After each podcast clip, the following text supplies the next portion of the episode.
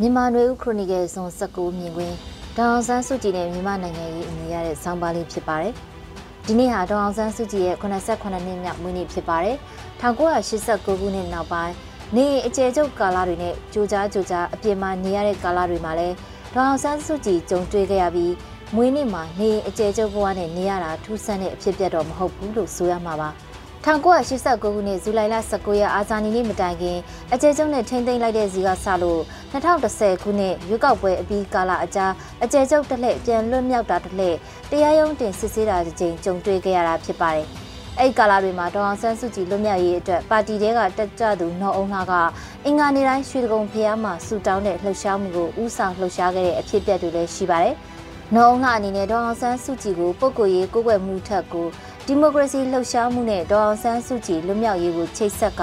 လူအများလိုက်လုံနိုင်မဲ့နီလန်လူထုကိုနှိုးဆော်နိုင်မဲ့နီလန်ကိုတုံးခဲ့တာလို့အခုနေပြန်သုံးသပ်ရပါတယ်။ ဘာလို့ဆိုဒေါ်အောင်ဆန်းစုကြည်ပြန်လွတ်မြောက်လာတဲ့အခါမှာသူ့ကို NLD ပါတီကထုတ်ပယ်ထားနေပြီဖြစ်ပြီးနောက်ပိုင်းမှာလည်းနော်အုံလာအနေနဲ့လှုပ်တဲ့ကိစ္စရပ်တွေကိုဒေါအောင်ဆန်းစုကြည်နဲ့နိုင်ငံရေးအမြင်မတူတဲ့အခါမှာရဲရဲရင့်ရင်ပဲသူ့အမြင်နဲ့သူလှုပ်ရှားခဲ့ပြောခဲ့တာကြောင့်နော်အုံလာအဖို့ဖန်ဆီးခံရတာပြစ်ဒဏ်ချမှတ်ခံရတာတွေပြီးခဲ့တဲ့ဆယ်စုနှစ်အတွင်းကြုံခဲ့ရတာဖြစ်ပါတယ်။ ဒီနေရာမှာ1990ကနေ2010ကုန်ထိစစ်အာဏာရှင်စန့်ကျင်ရေးလှုပ်ရှားမှုတွေမှာဒေါအောင်ဆန်းစုကြည်လွတ်မြောက်ရေးဆိုတဲ့အချက်ကအစီအမြဲဦးစားပေးတစ်နှစ်သုံးနှစ်မှာပါခဲ့တာဖြစ်ပါတယ်။ဒေါအောင်ဆန်းစုကြည်လွတ်မြောက်ရေးနဲ့မြန်မာဒီမိုကရေစီအရေးကတွဲနေတဲ့တပွဲလူအများကနားလည်နေခဲ့ကြပါတယ်။အဲ့ကာလာတွေကစုလွတ်တွေ့ဆိုတဲ့ကြွေးကြော်တဲ့စကားလုံးက နိုင်ငံရေးအကြောင်းပြောကြဆွေးနွေးကြတိုင်းပါလာတဲ့စကားလုံးဖြစ်နေခဲ့ပါတယ်။ဒေါအောင်ဆန်းစုကြည်ကိုဖမ်းဆီးထိန်းသိမ်းထားနိုင်ရင်မြန်မာဒီမိုကရေစီလှုပ်ရှားမှုကိုအရှိန်တအောင်လှုပ်ထားနိုင်မယ်လို့စစ်အာဏာရှင်တွေကယူဆခဲ့ကြတာလည်းဖြစ်ကောင်းဖြစ်ပါလိမ့်မယ်။ဒါပေမဲ့လက်တွေ့နိုင်ငံရေးအခြေအနေတွေကအဲ့လိုလွယ်ကူရှင်းလင်းတဲ့ကောက်ချက်ဆွဲလို့ရတဲ့အခြေအနေမျိုးတော့မဟုတ်ပါဘူး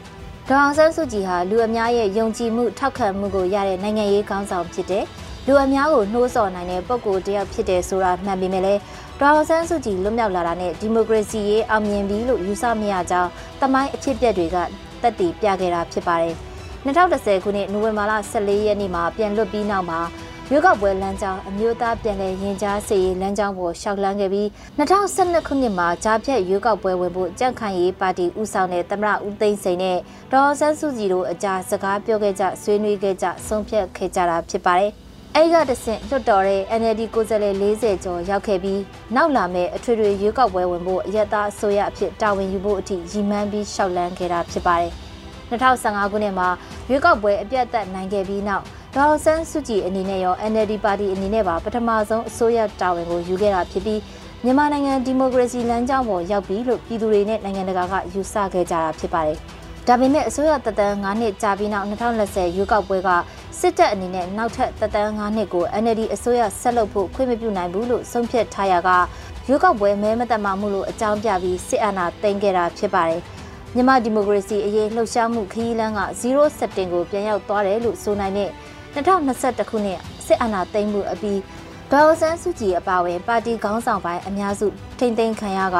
မြန်မာနိုင်ငံအနေနဲ့ပြည်တွင်းစစ်တကားဝကိုဥတီကတစ်နှစ်အကြာမှာတော့ပြည်တွင်းစစ်ထဲကျဆင်းနေပြီဖြစ်ပါတော့တယ်။ အခုလိုချိန်မှာဒေါအောင်ဆန်းစုကြည်အနေနဲ့စစ်ကောင်စီကဆွဲဆိုထားတဲ့အမှုပေါင်းတဒါဇင်ကျော်ကိုရင်ဆိုင်နေရက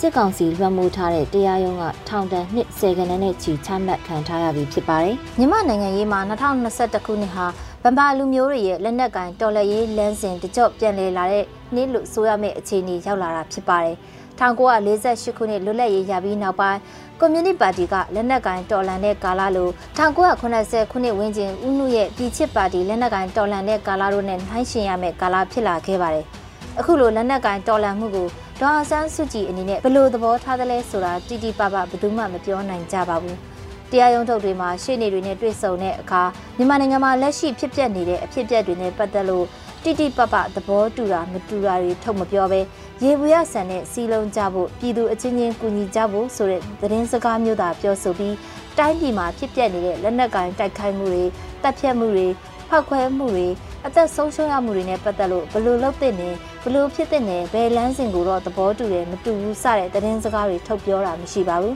မြန်မာနိုင်ငံရေးကလမ်းဆောင်လမ်းကွာမှာရောက်နေပြီလို့ဆိုတာထက် လမ်းဆောင်လမ်းကွာကနေလက်နက်ကင်လမ်းစဉ်စစ်တပ်အနေနဲ့အပီးတိုင်လက်နက်ချဖို့ဒါမှမဟုတ် NUG နဲ့တိုင်းရင်းသားလက်နက်ကိုင်အချို့တို့ပူးပေါင်းပြီးခြေမုံဖို့ဆိုတဲ့လမ်းချိုတဲ့ချိုးဝင်ပြီးရှောက်လန်းနေပြီဖြစ်ပါတယ်။ဒီလိုအနေအထားလမ်းဆောင်လမ်းကွာကိုအနှင်းငယ်တောင်ကြော်လွန်နေပြီဖြစ်တဲ့မြန်မာနိုင်ငံရေးမှာအခြားသောနိုင်ငံရေးခေါင်းဆောင်တွေအလုံးထက်ဩဇာရှိသူဒေါအောင်ဆန်းစုကြည်အနေနဲ့ဒီလန်းကိုဆက်လျှောက်ဖို့သဘောတူသလားသဘောမတူသလားဆိုတာထုတ်ပြောဖို့တင့်ပြီလို့လဲဒေါအောင်ဆန်းစုကြည်ရဲ့မွေးနေ့မှာတွေ့ကြည့်မိပါတော့တယ်။ အခုဖတ်ကြားခဲ့တာကတော့ဒေါအောင်ဆန်းစုကြည်နဲ့မြန်မာနိုင်ငံရေးအမည်ရတဲ့မြန်မာနွေဦးခရိုနီကယ်ဇွန်16မြင်ကွင်းမူမခဆောင်းပါလေးပဲဖြစ်ပါတယ်။ကျမတို့ຫນွေဦးလေးကြီးပါ။